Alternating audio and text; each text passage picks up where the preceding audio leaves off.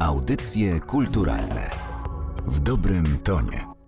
Maria Prymaczenko jest jedną z najbardziej rozpoznawalnych ukraińskich artystek ludowych.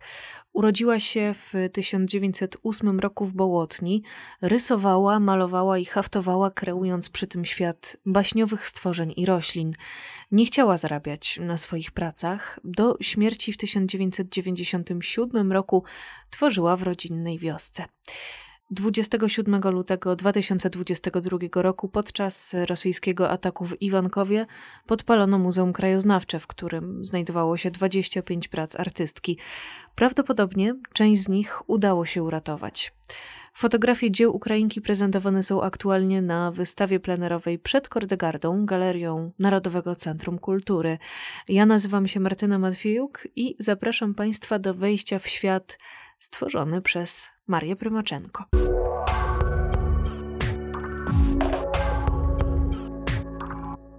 O sztuce Marii Prymaczenko porozmawiamy dziś z panią Dorotą Pietrzyk, malarką i autorką artykułu o sztuce Marii Prymaczenko, który ukazał się na portalu Presto, a także towarzyszy wystawie przed Kordegardą. Dzień dobry. Dzień dobry. Maria Prymaczenko, ukraińska artystka ludowa, która czerpała z ukraińskiego folkloru, ale przede wszystkim w swoich pracach wykreowała niesamowity, fantastyczny świat. Pisze pani w artykule, że ta sztuka naiwna pozwala nam lepiej poznać naszą relację ze światem. Co wyrażają te prace? Ja się właśnie zastanawiałam, czy to jest sztuka naiwna, to, co prezentowała, bo nie żyje już od kilkudziesięciu lat, Maria Primaczenko. Tak się zastanawiałam nad tym, czy ona była prymitywistką, czy ona była naiwną malarką, czy była malarką ludową. Wydaje mi się, że tutaj chyba sprawa tej naiwności powinna być odrzucona, dlatego że ona, mimo że była troszeczkę niepełnosprawna fizycznie, to była zupełnie pełnosprawna umysłowo. Popisała książki, ilustrowała je, prowadziła zajęcia z dziećmi. Myślę, że tutaj można ją nazwać malarką serca. Ona rzeczywiście zaczynała jako malarz naiwny, autorka bez wykształcenia akademickiego, bez skończonych szkół, bo miała tylko cztery klasy szkoły podstawowej, ale wydaje mi się, że tutaj najlepiej lepiej będzie ją nazwać właśnie malarką serca, malarką wyobraźni i malarką ludową, bo tutaj naiwną trudno się o ten termin opierać, bo tak jak mówię, nie wydaje mi się, że ona była naiwna. Ja myślę, że ona wypracowała swój własny styl, który być może zrodził się w jej umyśle przypadkowo. Myślę, że też był poparty jej przeżyciami niezbyt y, miłymi i dobrymi w życiu, jak i wykluczeniem, bo miała olbrzymie kompleksy jako osoba po Medinie ze sztywną nogą. Także myślę, że tutaj w ten sposób możemy o niej mówić, że ona była świadoma, że maluje obrazy ludowe, obrazy z siebie, ze swojej duszy, z wnętrza, z serca. A poza tym była leworęczna, co też często podkreślała, że właśnie dlatego, że rękę ma bliżej serca, to jej obrazy są też bliżej serca. Hmm.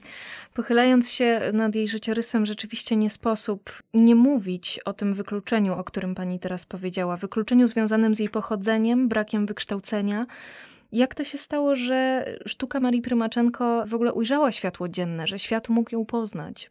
To się stało zupełnie przypadkiem, jak wiele w życiu Marii. Po prostu w 1935 roku Jedna z pań, artystek, która zajmowała się haftem i y, szukaniem ludowych, bo wtedy już się zaczął taki troszeczkę moda na ludowość, na cepelię, która potem po wojnie bardzo się rozszerzyła w krajach nie tylko bloku wschodniego, ale w sumie w całej Europie była bardzo popularna. I pani, która nazywała się, zdaje się, Tatiana Flera, o ile dobrze przeczytałam to nazwisko.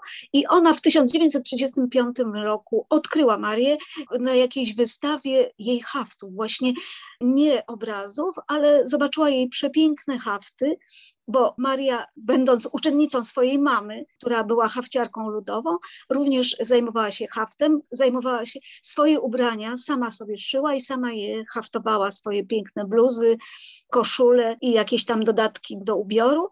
I stąd świat o niej usłyszał, bo pani Tatiana wzięła e, ją pod swoje skrzydła, zaprosiła do takiego wspólnego jakby warsztatów, takich, które w Kijowie się odbywały i Maria na tych warsztatach bardzo e, się wybiła, pokazała niezaprzeczalny swój talent plastyczny.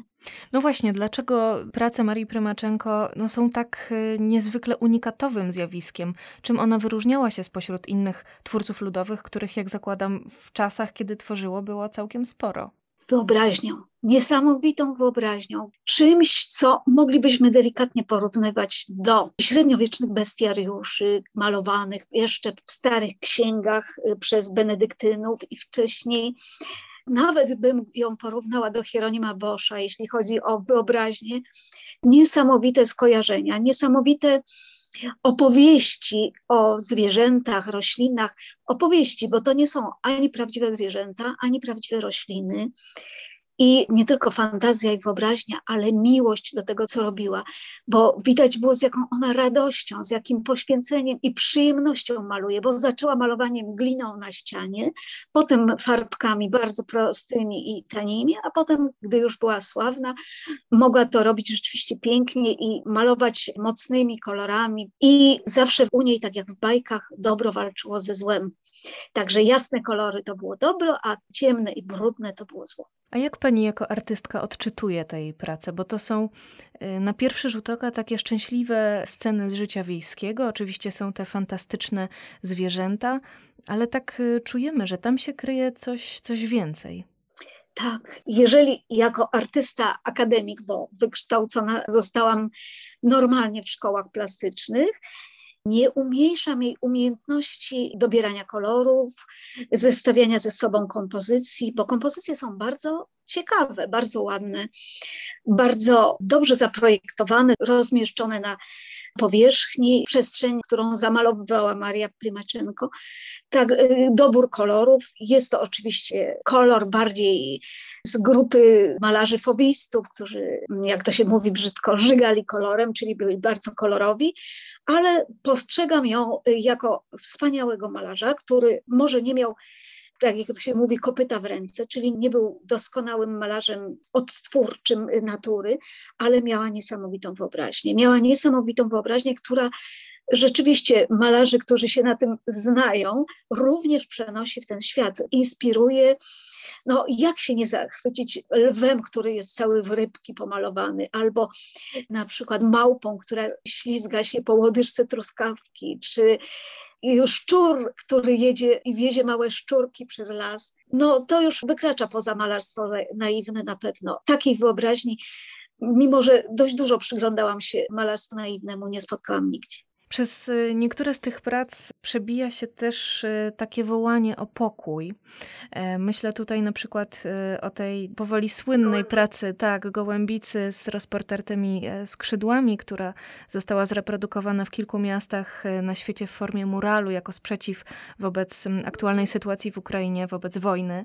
Zastanawiam się, jakie znaczenie dzisiaj dla tożsamości ukraińskiej nabierają te prace Marii Prymaczenko. No myślę, że tutaj powinniśmy też wspomnieć o tych jej brudnych, szarych i smutnych pracach, które wykonała w 1986 roku po wybuchu reaktora w Czernobylu, dlatego że ona mieszkała około trzydziestu kilku kilometrów od Czarnobyla. Nie chciała stamtąd odejść, ani ona, ani jej syn nie zgodzili się na ewakuację. I wtedy powstał ten taki czarny cykl czarnobylski. I to świadczyło też o jej byciu Ukrainką, o tym, że przejmowała się tym, co się wokół niej dzieje.